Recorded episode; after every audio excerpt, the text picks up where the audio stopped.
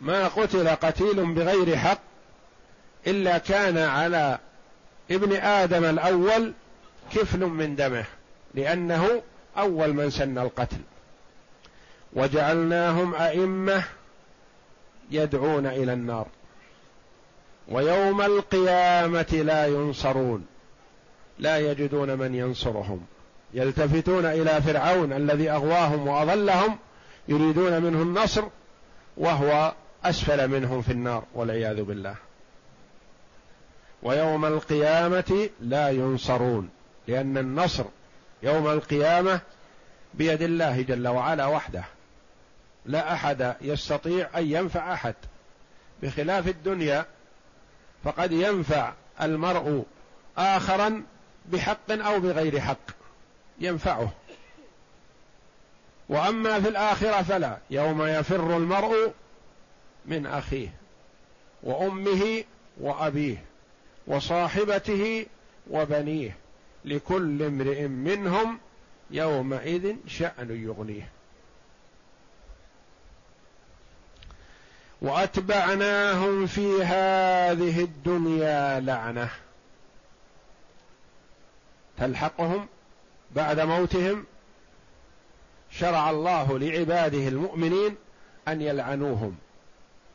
إنهم يستحقون ذلك.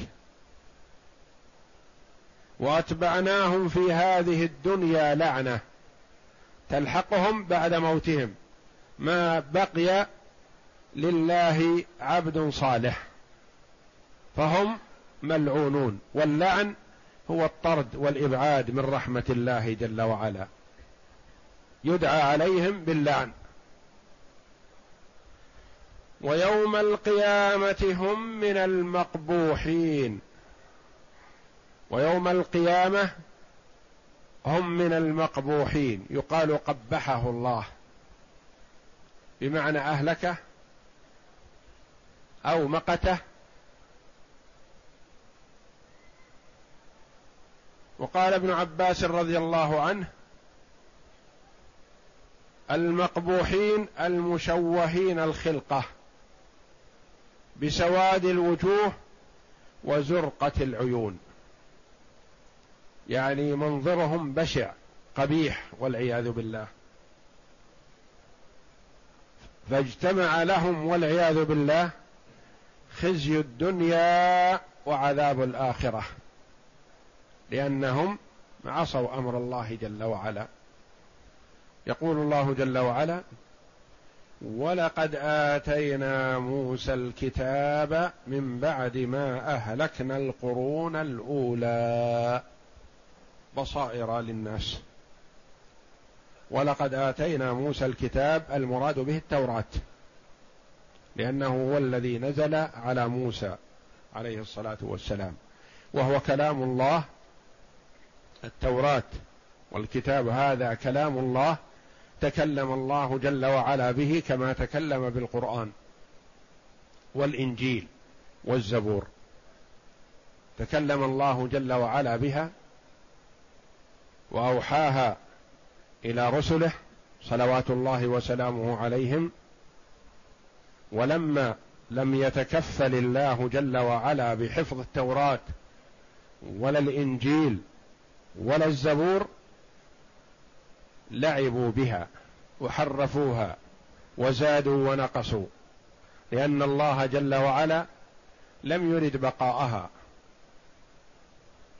ووكل حفظها إليهم كما قال الله جل وعلا بما استحفظوا من كتاب الله فضيعوها.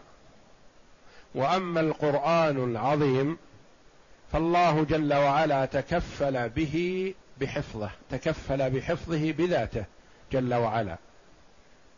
لم يكل حفظه إلى غيره كما قال الله جل وعلا إنا نحن نزلنا الذكر وإنا له لحافظون فهو والحمد لله بأيدينا الآن كما نزل على محمد صلى الله عليه وسلم. مع طول المدة التي مضت ومحاوله كثير من الظلمة والمتجبرين والمعاندين. العبث فيه ولكن الله جل وعلا يمقتهم ويهلكهم ولا يظهر ذلك على القرآن. حفظه وحماه. ولقد آتينا موسى الكتاب الذي هو التوراة. من بعد ما أهلكنا القرون الأولى. من هم؟ قوم نوح وقوم إبراهيم وعاد وثمود وقوم لوط. أهلكهم الله جل وعلا وأولئك أهلكهم الله هلاكا عاما. وقد روى ابن جرير عن أبي سعيد الخدري قال ما أهلك الله قوما بعذاب من السماء ولا من الأرض بعدما أنزلت التوراة على وجه الأرض غير أهل القرية الذين مسخوا قردة بعد موسى. يعني كان الله جل وعلا سنة الله في خلقه أن الله جل وعلا قبل إنزال التوراة إذا عصت الأمة رسولها صلى الله عليه وسلم أرسل الله عليهم عذابا عاما فأهلكهم. كما قص الله جل وعلا علينا ذلك في القرآن. وأهلك فرعون ومن معه ثم أنزل الله جل وعلا التوراة على موسى وبعد ذلك كما قال سعيد بن الخدري رضي, الله عنه ويروى هذا الحديث مرفوعا إلى النبي صلى الله عليه وسلم أن الله جل وعلا لم ينزل عذابا عاما بأمة من الأمم بعد نزول التوراة. والتوراة هي نزلت قبل الإنجيل وهما قبل القرآن. ولقد آتينا موسى الكتاب من بعد ما أهلكنا القرون الأولى الأمم الماضية. أبادهم الله جل وعلا وأهلكهم بالعذاب الذي استأصلهم. أنزلها الله جل وعلا بصائر للناس يتبصرون بها الحق. وهدى دلالة وإيضاح. ورحمة لعلهم يتذكرون. رحمة لمن أراد الله جل وعلا له الخير. بصائر عامة.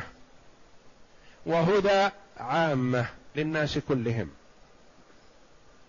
ورحمة لمن أراد الله جل وعلا له الهداية والخير. يعني أقام الله جل وعلا عليهم الحجة بالكتاب بالتوراة ففيه بصائر وفيه هدى لكن الرحمة خاصة ليست لكل أحد وإنما هي لمن تذكر لمن أراد الله جل وعلا له الخير. من بعد ما أهلكنا القرون الأولى بصائر للناس يبصرون به. وتقوم عليهم الحجة. قد يبصر المرء فلا يستفيد لكن تقوم عليه الحجة. وهدى ورحمة لعلهم يتذكرون. فمن أراد الله جل وعلا له الخير تذكر واتعظ واهتدى واستبصر بهذه البصائر ومن لم يرد الله له الخير قامت عليه الحجة وبقي على ضلاله وعماه والعياذ بالله. والله أعلم. وصلى الله وسلم وبارك على عبده ورسول نبينا محمد وعلى آله وصحبه أجمعين.